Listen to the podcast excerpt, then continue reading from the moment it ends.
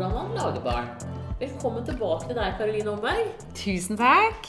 Du er tobarnsmor og over snittet skolert om følelser og seksuell helse. Ja. Og du har foredrag for ungdom i hele landet. Eh, og du blir også nå barneskolelærer. ja. Det er noen år til igjen, men jeg er i prosessen. Du er i ja. prosessen. Ja. Og så har du podden Avkom. Og så kan man finne meg på nettsiden ekudama.no. Yes. Yes. Korrekt. Da har vi kartlagt dette. Og Vi skal nå ta utgangspunkt i boka som illustratør og forfatter Anna Fiske har skrevet om hvordan man lager en baby. Og da tenkte jeg at du er jo helt perfekt til dette her. Både med din bakgrunn, og så har du jo to små barn. Ja, jeg Eh. syns jeg er helt perfekt i det sjøl. Veldig bra. Et viktig tema, syns jeg, så jeg har tenkt mye på. Ja. Her om dagen så spurte datteren min om noe som hadde med døden å gjøre. Oh, ja. Og da tenkte jeg en ah, at jeg kunne spurt noe mer om sex istedenfor. ja, mye. Så mye lettere å svare på. Ja. Ja, og, og det, det som liksom på en måte Jeg fikk jo spørsmål om det på en nettprat her om dagen. Eh, hvor det var en mor som var veldig frustrert fordi at eh, hun hadde en datter som gikk i barnehagen hun var tre år gammel. Og der hadde de begynt å snakke om hvordan babyer ble laget. Og hun syntes det var altfor tidlig. Hva tenker du om det? Jeg, det kommer litt an på hva de snakket om. Jeg tenker at Det er ikke for tidlig å vite hvordan baby blir laget. Ehm, men min erfaring er jo at barn de spør om det de er klare for å vite. Ja. Så det er jo gjerne ett- og toåringer kan jo vite at eh, babyer kommer fra inni en mage. Og vet at de har vært inni en mage. Og så kommer det gjerne et spørsmål litt senere. Men hvor var den babyen før den kom i magen? Ja. Eh, og så må man jo svare Min mor sa da var det bare en tanke. Eh, Ah. jeg, sa, jeg sa da var jo et lite egg i eggstokken min. Ja. Hvor er den? Og så tegnet vi, og så viste jeg. Altså, men hvordan ble det egget til en baby? Ja, da kommer det en sædcelle. Og så når egg og, når, En gang i måneden slippes det et egg. Og når, hvis det kommer en sædcelle og møter det egget, så blir egget befruktet. Og da kan det bli til en baby. Så snakket vi litt om det. òg. men saken er at det, det er veldig sjelden barn har liksom oppmerksomhet til å ha en ti minutters samtale om hele prosessen det er å lage barn. Ja, de har ett enkelt spørsmål som de gjerne vil ha svar på. Og så er det bare å svare på det. Og det er ikke ofte vi kan holde på oppmerksomheten deres i mer enn 20 sekunder. Nei. Sånn at eh, jeg, jeg for eksempel har aldri hatt én samtale om sex med, Nei, med min den datter. store samtalen, Ja. er, det, det er en saga blått. Det er en myte, er Ja. jeg helt overbevist om. Og det tror ikke man kan ha den store samtalen i barnehagen heller. For Nei. barn konsentrerer seg ikke så lenge. De plukker kanskje opp den informasjonen de er interessert i, og så tror jeg de glemmer resten. Ja. Men det er jo ikke farlig for et barn å vite hvordan man lager barn. Det er ikke farlig for et barn å vite hva sex er. Men Nei. det spørs om de tar det så veldig inn over seg. Ja, for jeg tenker litt sånn at det de ikke forstår, det glir kanskje bare rett ut. Det tror jeg også. At, at man ikke egentlig behøver å, å være redd for at barn blir skadet på noen måte, da. Ja. Ja, det tror Ja, Nei. samme her. Så, så jeg tenker at jeg syns jo det er positivt at, eh, at man eh, har den samtalen såpass tidlig. For i hvert fall jeg, nå er ikke jeg så jeg, jeg snakker en del om sex, jeg også. Så mine barn er også litt mer skolerte enn unger flest. Ja. Men, men jeg har aldri vært veldig sånn komfortabel med det. Eh, så jeg tenker at, sånn der, altså sånn, at man liksom plutselig skulle ha den samtalen, da. tenker jeg, altså liksom, ja. Så det der å ta det sånn trinnvis er jo veldig, veldig mye bedre. Ja, det føler jeg også kanskje er det mest naturlige også. Fordi dette med sex og barn og Det henger jo sammen med så mange andre spørsmål som kan dukke opp. Så det er liksom en sånn integrert del av livet. Ja, Så det blir veldig unaturlig at det skal være liksom én stor samtale, ja.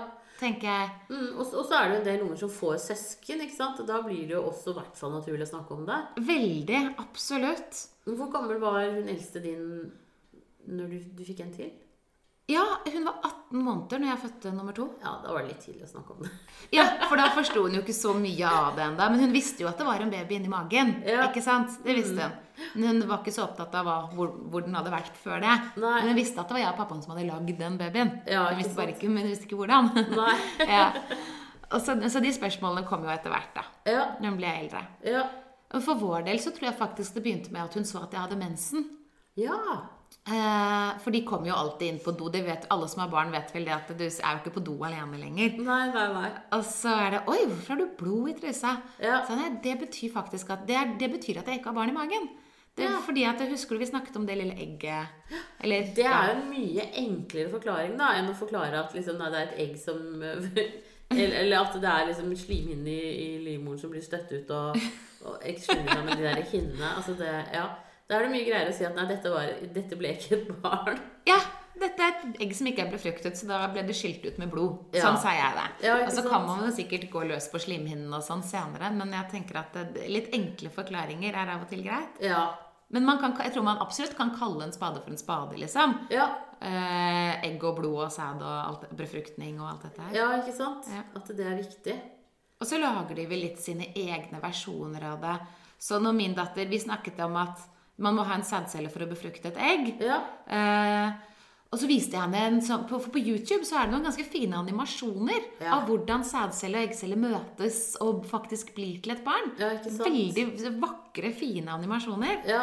Og Og det ville hun se. Hun, hun var vel tre, to-tre, tror jeg. Ja. Å, kan, se på, kan vi se på videoen av magefrukten igjen? Ja, Ja, og hun syntes det var veldig fint. Hun kalte sædceller faktisk stripefisk. For hun syntes det så ut som det på den YouTube-videoen. Kan vi se på magefrukten og stripefisken? Ja. Men Det er jo egentlig genialt, da, for jeg tenker at det med liksom kjønnsorganer og kjønnsorganer i bevegelse og sånn, altså det blir jo veldig voldsomt. ja. Det Altså, kan bli det. Ja, Så heller bare liksom vise akkurat befruktningen er jo bare veldig veldig mye lurere. Ja, det funka i hvert fall fint for oss. Ja, Og, da, og det var ikke det at jeg prøvde å unngå å snakke om kjønnsorganer og sånn, men det, det var bare det at det spørsmålet kom ikke. nei. tenkte jeg at ok, nå er det viktig at jeg følger henne og svarer på det hun spør om. Og det tror jeg er et viktig nøkkelord, for vi kan bli veldig stressa og snakke om ja, men tiss og mammatiss og hva skal vi kalle tissen? Heter det penis eller vulva, eller heter det guttetiss og jentetiss? Eller, Ja, og ja, men tenk om man har lagd eh, via kunstig befruktning, da? Eller tenk om man er prøverørsbarn, eller Ja. Altså, det er så donor. utrolig mye Vi begynner å stresse veldig, vi voksne, i forhold Men jeg tenker at vi trenger ikke det, egentlig. Nei. Det er bare å puste med magen og svare enkelt på det som blir spurt om. Ja. Og i vårt tilfelle så tok det, etter alt dette med magefrukt og stripefisk og sånn, små spørsmål nå og da, tok det et helt år før spørsmålet plutselig en dag dukket opp. Men hvordan kommer sædcellen inn i magen? Ja. Ja. Så han kom rundt leggetid en kveld. ja, ikke sant? Og da kjente jeg at jeg måtte ta litt sats. Eh, fordi jeg tror nok vi voksne av og til har litt grann skam som vi ikke har lyst til å innrømme at vi har, Ja. når det gjelder å snakke med barn om sex. Men det er veldig bra at du sier at du måtte ta sats for deg. Ja. Og det var jeg overrasket over, for jeg trodde at det kom til å være piece of cake for meg, som snakker om sex hele tiden med ungdom osv. Ja, ikke sant? Eh, men jeg måtte faktisk ta litt sats, Ja. kjente jeg.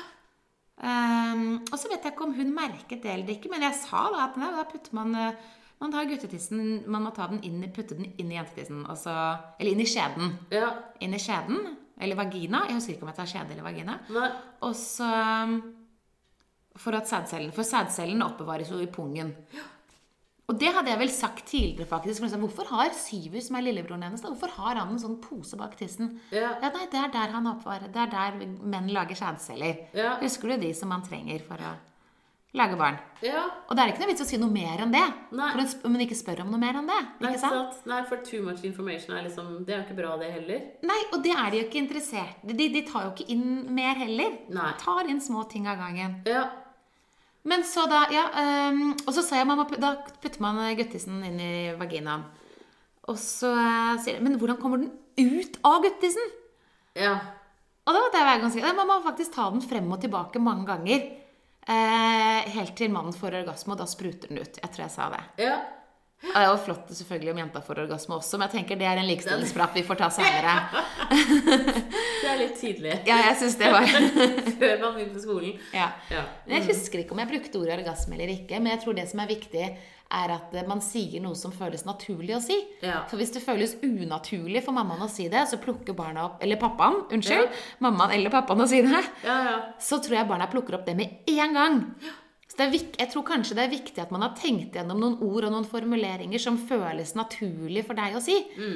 Og det er det viktigste, at det føles naturlig for deg å si, Ja. tror jeg. Ja, for de plukker opp det der lille Pinlige. Det tror jeg de plukker opp veldig fort. Og jeg tror min datter plukket opp det fordi at det, hun har aldri spurt om det siden. Nei. Nei, ikke sant. Nei.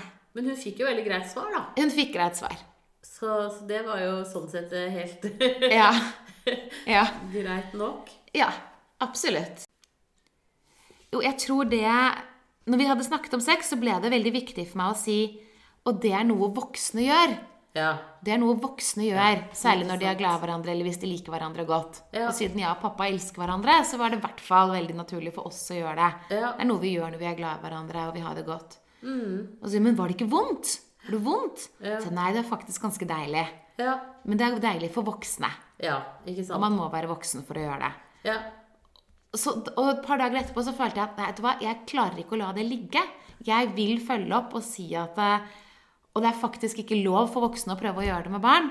Eh, og, man, og, og, og voksne har ikke lov til å leke med tissen til barn heller. Nei. Ikke sant? Mamma og pappa kan vaske deg i badekaret, eller noe sånt, men voksne har ikke lov å leke med tissen til barn. For det er jo veldig mye snakk om det om dagen, at barn skal få vite at voksne ikke har lov til å ta på dem.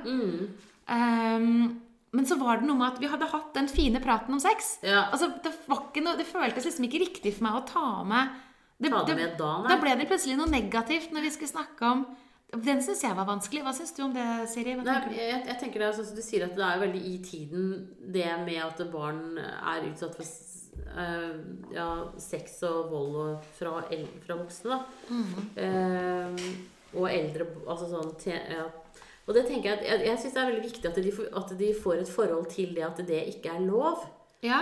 Eh, Og det må man jo bare si rett ut. ja, man må det. Også særlig nå når det på en måte blir en del av barnehageprogrammet og barneskoleprogrammet og sånn også. Ja. Eh, og, og jeg tenker at det er viktig at de gjør det, men, men, eh, men det, det er på en måte jeg, jeg skjønner behovet ditt for å liksom skille på de to tingene. da. Ja. At det ene er noe vakkert, og det andre er så uvakkert som det kan få blitt. Ja.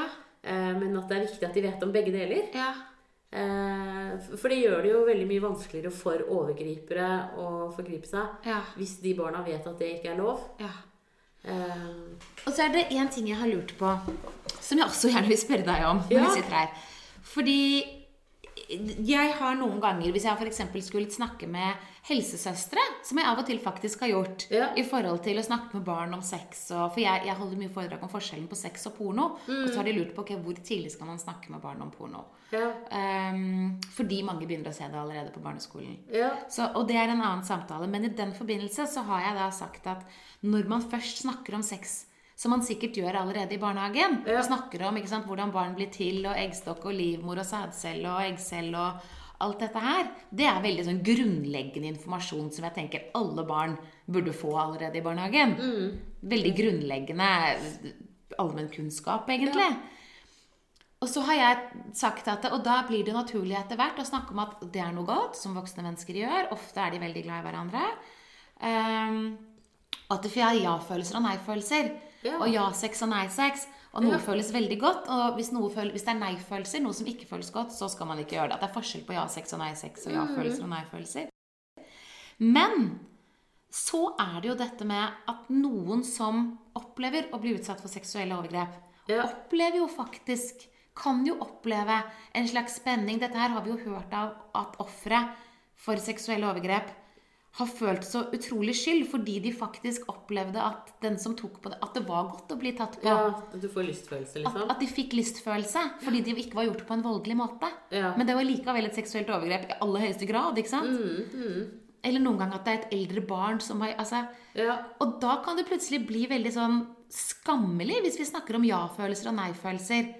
For da skjønner de at de har hatt ja-følelse kanskje i en nei-situasjon. Ja. Og så kan det bli veldig mye skam der. Har du noen tanker rundt, noen refleksjoner rundt det? Nei, det der er jo kjempevanskelig, altså. Ja. Eh, og så er det jo også liksom det der med, med hvor åpne er, er de enkelte Altså det er jo stor forskjell på barn også, ikke sant?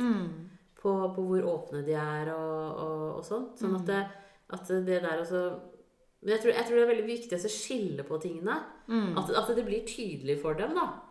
Ehm, og så kjente jeg at jeg så driftet litt av sted også nå når du snakket Fordi at jeg har snakket med en annen fyr om, om dette her med porno. da Ja. eh, Hvordan det på en måte også ødelegger Men det er som du sier, eh, det er en annen samtale, men hvordan det ødelegger oppfattelsen av hva sex er. ja, det er akkurat det.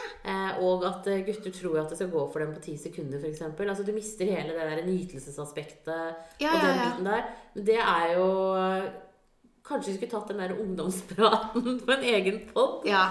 For da snakker vi om de små barna. Ja. Eh, og, og det tenker jeg også, det er jo ma- mange små barn som også stimulerer seg selv og opplever nytelse ved det. da. ja, ikke Eh, sant? og det heller skal jo ikke være skittent. Nei. Og det gjør de jo fra de er ganske små. Mm. At de tar seg på tissen eller og kommer borti klitoris og sier 'Å, gud, å, det kiler!' Ja. Oi, oi, oi, ja. Og det kan de jo til og med si 'Å, mamma, se her, dette kiler skikkelig'. Ja. Sånne ting er jo helt vanlig at de gjør. Ja. Og det tenker jeg det, Det skal de jo bare få gjøre. Ja, og det skal være greit. Men der også har jeg tenkt sånn der at, eh, at det kan være greit å si til dem at men det kan du gjøre når du er for deg sjøl. På en måte. Altså sånn, ikke gjør det i barnehagen eh, i full offentlighet. Eller sånn der, altså gjør, gjør det sånn at du er skjermet. Og det er jo for å skjerme dem selv. Eh, men at det er noe privat, da. Men at det, det aldeles ikke er forbudt. At man, altså, så, så det derre mm, seksuelle aspektet Det er jo mange sider ved det. Ja, det er så mye. Jeg har en liten kommentar til det du sa nå. Fordi jeg har ikke helt fått meg til å si det. Og det skal man gjøre når man er alene på rommet sitt. Nei. Fordi jeg har ikke jeg klart å det hjemme, si det uten å føle at jeg sender med noe skam. Ja. Uh, Så jeg har ikke sagt det ennå. Jeg har Nei. bare latt det være. Ja, se det kilte, ja. Sånn var det. Ja. Og så bare gått videre eller gjort noe annet, ja, liksom. ikke sant? Nei, for jeg bare tenker sånn der eh, Men jeg tenker også at hvis ikke barnet faktisk øh, gjør det i barnehagen eller ute på gata, så er det kanskje ikke behov for å si det heller. Altså, Man kan jo se an barnet. Nei, ja, ja. Nei, det mener jeg absolutt. Altså, Ja. Dette måtte jo være barn som på en måte øh, liksom gjør det i full offentlighet. Ja. Um, For det er jo viktig å lære om sosiale koder i forhold til seksualitet. ja. Det er jo det. Ja, jeg tenker det. At det er det. Fordi at du Det er jo sånn altså Det vet jeg ikke, men om man kan liksom bli mobbet for det, eller altså sånn eh, Jeg har sett tissen din. Eh, at det kan liksom bli litt sånn traumatisk, da. Absolutt, det kan det. Eh, så det er mer sånn Men som du sier, altså, det gjelder jo helt sikkert et fåtall, for så vidt.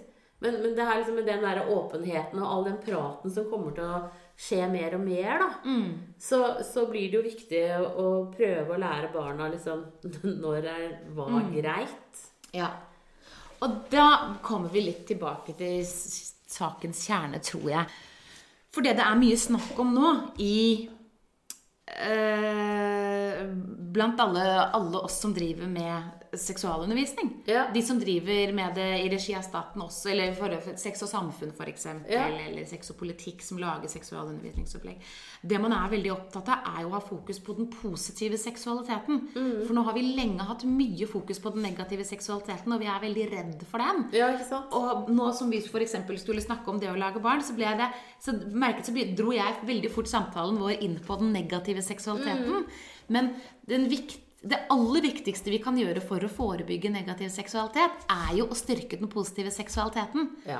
Så jeg tror det er viktig at når vi svarer på spørsmål fra barna våre, at vi tør å være åpne om at sex er noe positivt. Og når voksne mennesker er glad i hverandre, så kan det være noe veldig flott i et forhold. ikke sant? Og det har med kjærlighet og omsorg å gjøre. At vi tør å være åpne om den positive seksualiteten. ja, ikke sant? For jeg tror det er det aller viktigste verktøyet vi kan gi barna våre ettersom de selv blir større og møter sin egen seksualitet. At de skjønner at hvis noe ikke oppleves positivt, så skjønner de at ok, men da er det ikke dette Ja.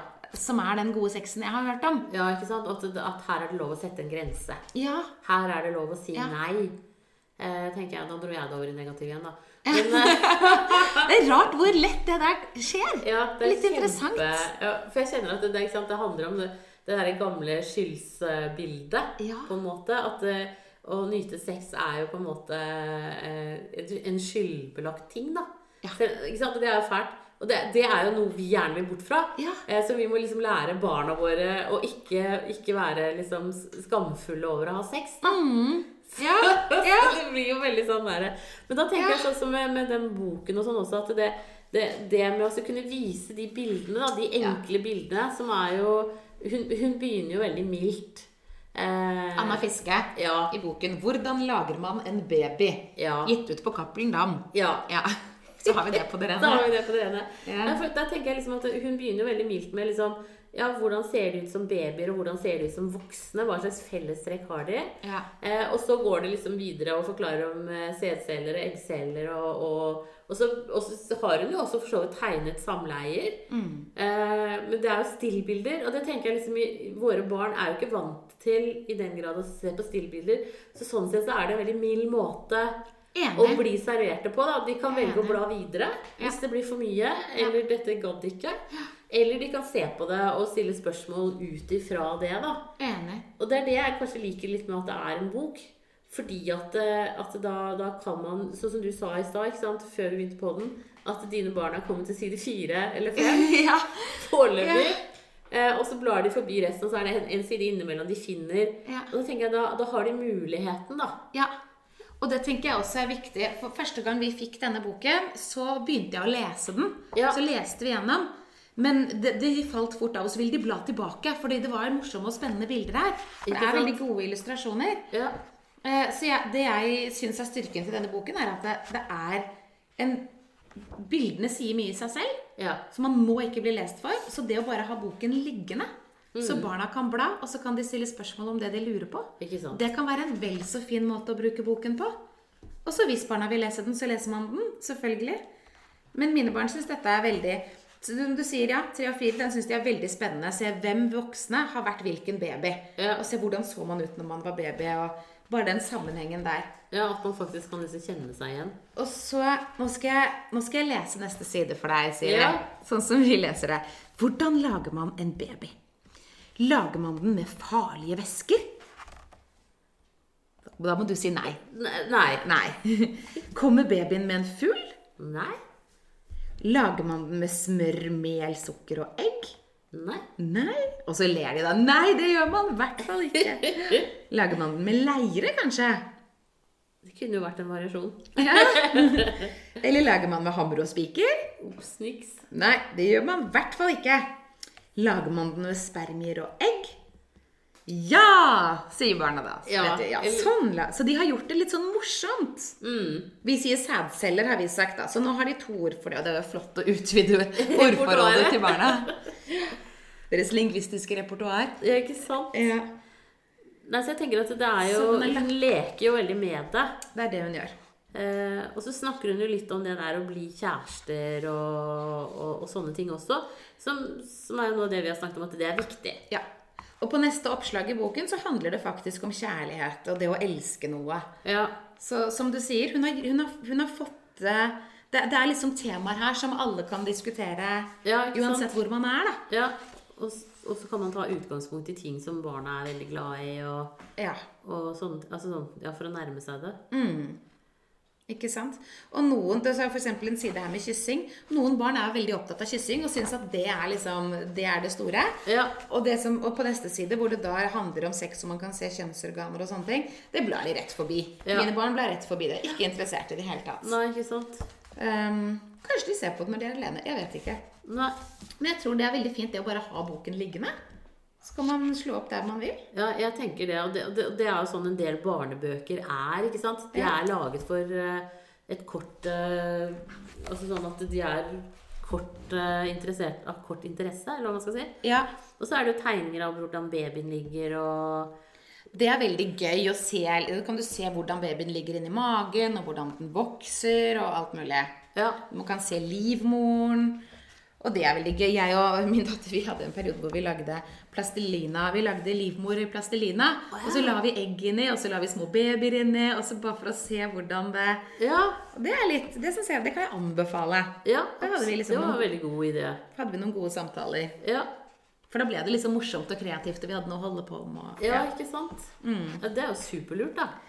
En annen ting som jeg syns er veldig flott med den boken, er at den viser andre måter å befrukte på. Den sier Ja. at det vanligste er å ha samleie. Men den snakker jo også om Hvor er den siden da, Siri? Det er jeg ikke helt sikker på, men den snakker vel om prøverør og Ja, donor og ikke sant? Her. Med en myk sprøyte blir spermier sprøytet opp i livmoren for å møte egget. Hurra, hurra, hurra, står det. ja. Så det syns jeg er veldig fint. At den, den kan lette andre samtaler. Ikke at det egentlig trenger å være en vanskelig samtale, men folk er så forskjellige. Ja. Så hvis man syns noen samtaler er vanskelig, så kan den lette. Ja.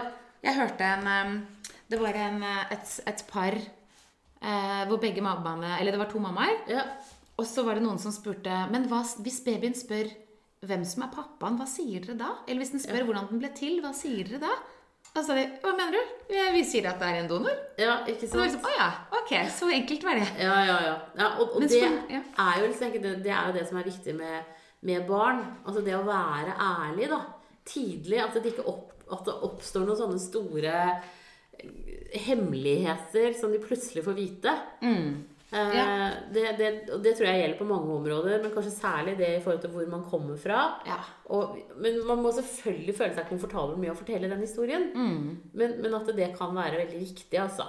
Mm. Eh, sånn at eh, For du hører jo liksom sånne eh, historier om at folk som har blitt adoptert, ikke fikk vite det før foreldrene døde omtrent. Og, altså sånn, heldigvis er det ikke så mye av det lenger. Ja. Men, men, men det tenker jeg det er sånn Det kan på en måte bli litt sånn sitt svik i et barns liv. Mm. Kanskje ikke at de Ja, jo, donor og sånn er litt stort. Det er Ja, for, ja, ikke sant? For disse mødrene var det helt naturlig. Ja. Mens for noen andre så virket det som et kjempestort og komplisert tema. Ja. Ja. Og det, og det handler jo om på en måte Der får du også inn det der sosiale presset, da. Ja. Men det også er jo en annen historie. Nei, så det er jeg veldig for. Eh, og det syns jeg, som, som vi snakket om, at det er bra med den boka der, at den også viser det. Mm. Eh, sånn at det blir en, eh, en god samtale. Og, og da kan man jo hvis, hvis barnet ditt kommer hjem, og, og det er et lesbisk par i barnehagen, da, så, så kan man jo si noe om det eventuelt. Eller da, at Ja. de kanskje har fått vite det. Det eh, og lurer på hvordan det var. Og det fins jo heldigvis en del bøker om forskjellige typer familiekonstellasjoner og sånn også. Ja. Jeg prøvde å skrive, vet du hva, jeg skrev tre barnebøker om forskjellige familiekonstellasjoner. Ja. Men jeg fikk refusert fra fem forlag. Nei! Så, jo, det er sant. Nye JK Rowling. Nei, det var ikke en slik kvalitet, det kan jeg love deg. Men men Jo, og så ser vi jo også fødselen her. Ja. Og det synes jeg også jeg, Vet du hva, jeg har faktisk Jeg vet ikke om det Og her ser vi også et keisersnitt. Så man ser forskjellige måter å føde på. Det er fint. ja. Og forskjellige hudfarger og forskjellige familiesammensetninger. Og, så de har liksom tatt høyde for alle. Alt mangfoldet man kan støtte på, føler jeg. Ikke sant? Um, men jeg, for du skjønner det, når jeg fødte min nummer to, så var det en student på fødestua. Ja. Det kom alltid mye studenter og mange ekstra leger. Jeg, det var fordi jeg fødte så store barn, sa de. At de ville se på. Yes. De var på, em, Syv var nesten fem kilo. Ja. Men- det er jo ganske stort. Det er jo det. I alle fall, Det var en veldig hyggelig student. Og så, og, og så spurte jeg om han kunne ta noen bilder under selve fødselen. Så jeg fikk noen ganske kule bilder av hodet når det kommer ut osv. Ja. så satt barna mine og bladde gjennom bilder på telefonen min en dag. Ja. Så kommer de bildene, så tenkte jeg at ja, det, jeg, det kan de bare se på. Ja. Og så var jeg litt usikker på om de syntes det var for voldsomt. For det var ikke sånn at de tenkte Oi, så spennende. Er det faktisk Er det hodet til Ja. broren min? Er det virkelig Jeg var litt sånn For det, det virket nesten som om de kanskje syntes det var litt voldsomt. Jeg vet Eller de sa ingenting. De bare Å ja, det, der kommer han ut av magen. Å ja, ok. Ja. Ja. Men jeg var liksom overrasket over at de ikke var mer fascinert av det. ja.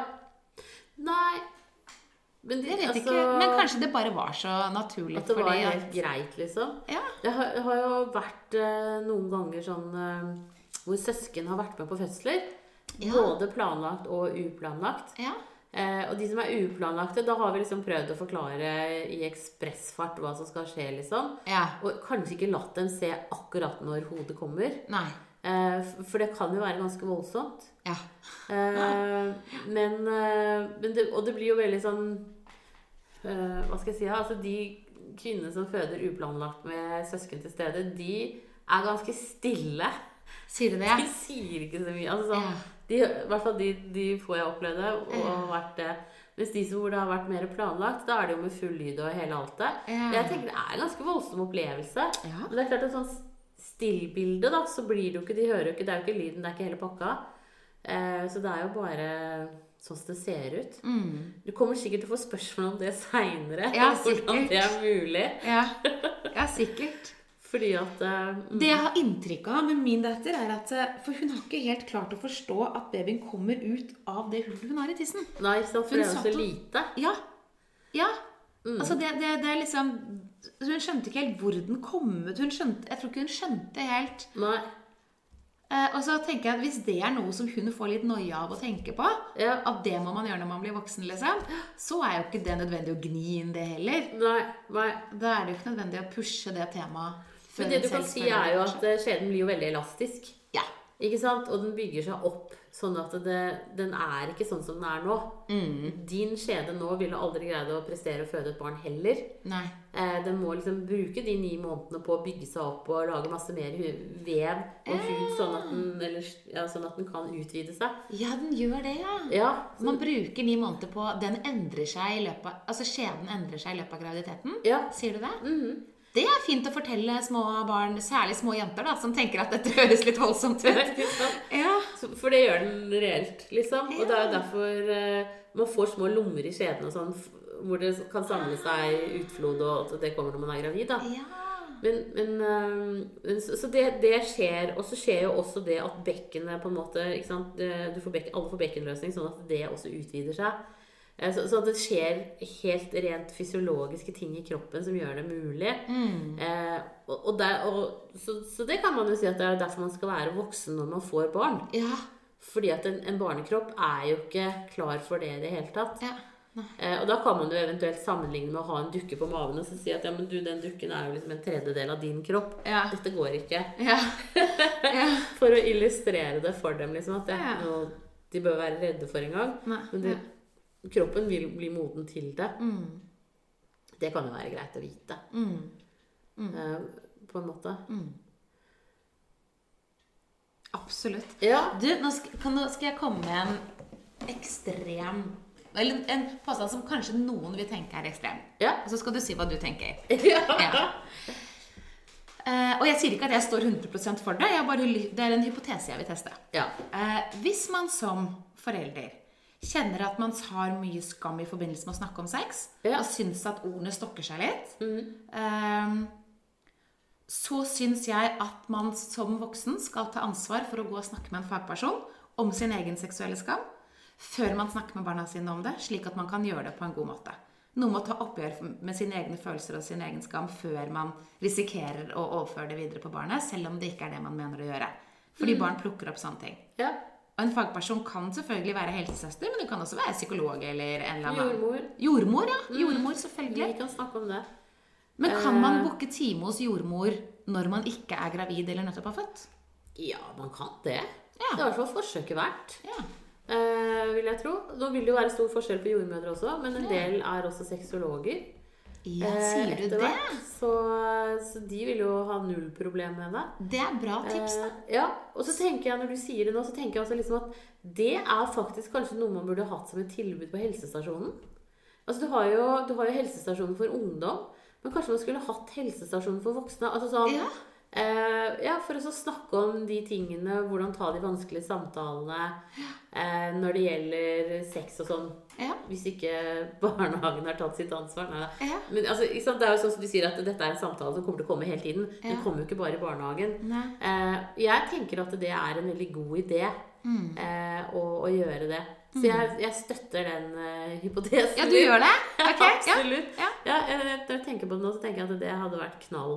Ja. Eh, og det kunne man jo kunne jo hatt eh, på en måte en sånn foreldregruppe eh, på skolen også. Ikke sant? Fått Ja. inn en sexolog som snakket og, eh, og ga gode innspill. Sånn som du, ikke sant? Altså, Ja, Du kunne jo sånn gjort som det. meg. Ja, Absolutt. rett og slett. Kanskje du skal kan spille inn det til bydelen din? At, eh, at du gjerne gir tilbud til voksne. Ja. Eh, også fordi at her, her møter man jo kulturelle forskjeller og fordommer i bøtter og spann. Mm, Eh, sånn at det vil være en helt en lur ting å gjøre. Mm. Den norske måten og den eh, Og så gjør det på de forskjellige altså sånn, kulturene som fins der Mm. hvor man bor. Det syns jeg var et veldig godt forslag. Ja, ja, Ja. takk for det. Ja. Dyktiggjøre de voksne. Ja, for det er helt normalt å ha ting. For eksempel, jeg kjente jo litt på dette, litt på det med døden og sorg og sånn, for jeg vil gjerne at alt skal være positive følelser og død er helt naturlig, som jeg sa innledningsvis her. Ja. Vi snakket om døden. Men så kjenner jeg jo at eh, Der hadde jeg kanskje trengt å snakke med noen. Mm. eh, For å være litt mer avslappet når jeg snakker med min egen datter. Ja, og så er jo parallellen også litt det der at du, man, man blir jo følelsesmessig engasjert Det er akkurat selv. det. Eh, sånn at det er kanskje mer ved døden enn med sex. Men eh, at det Ja. kan være jeg, jeg skulle f.eks. lese 'Brødrene Løvehjerte'. Oi. Og hva er det, det? Det gikk ikke. Nei. Så jeg, jeg ble fritatt Bare- etter du tre gråt? forsøk. Eller- Jeg begynte å grine på første side. Ja. Så, Og det er jo litt av det der, som du sier, det der med skam og sex. ikke sant? At Ja. det er noe man på en måte enten skulle fritas litt for, eller eh, Eller eh, Ja, kanskje man kunne sagt da, altså visst at ja, men det kan du snakke med den og den læreren om. Eller den og den i barnehagen eh, kan, kan du spørre om de tingene hvis man syns det er helt forferdelig å snakke om det selv. For det Ja. kan jo hende. Hvis man har vært utsatt for overgrep selv eller noe Ja, sånt, eller at man bare er veldig blyg. Ja, ja. så, så er jo det Mm. Jeg må si at eh, tilstå at når det der spørsmålet kom ekstremt bardust på hjemme hos oss en gang, hvor det var eh, noen som hadde delt ut kjærlighet på pinne med kondomer som var liksom knyttet på den kjærlighetspinnen. ja. Eh, Hvor gamle var dine barn da? Nei, Da kom en nevø innom, han var vel sånn tolv, Ja. og så lurte han på hva det var. Mm. Og jeg bare så på gubben og du, oh, Den må du ta, for den bare kom så Ja. brått på, da. Ja. Og da sa han at nei, det er sånn regnfrakk man tar på tissen for ikke å lage barn. Oh, ja! Genialt! så det er liksom noe med det der at hvis du blir tatt helt på senga, da, Ja. så at man liksom kunne visst at det var noe man kunne henvise til. Ja. Rett og slett at det kunne vært greit. Mm. Men, men eh, som du sier, sant? de små samtalene Det behøver ikke være så jækla mye informasjon man gir. Eh, Nei. man kan liksom bare ta det med små drypp. Jeg tror det er veldig viktig for de minste. At de får svar på det de spør om. Mm. Men ikke alt mulig annet som angår det. Ja. Akkurat det de spør om. Mm. Eh, For det er noe med den oppmerksomheten. Og så bruker de litt tid på å fordøye det. Ja. Kanskje noen uker, kanskje noen måneder, kanskje noen dager. Og så dukker det opp et nytt oppfølgingsspørsmål. Ikke sant? Så jeg tror det er så viktig å følge barna når de spør om ting. Ja.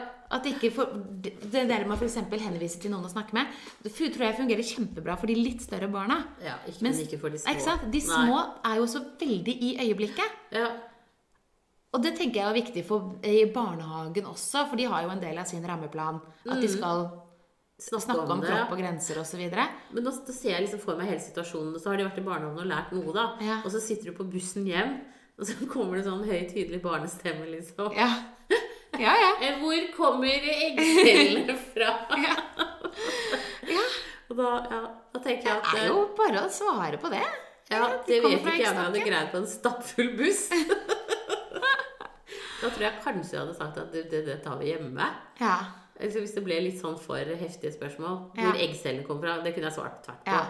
Jo, men sædcellen eh, Ja, sædcellen. Ja, Ja. ja. ja. Nei. Nei, den ser jeg. Mm.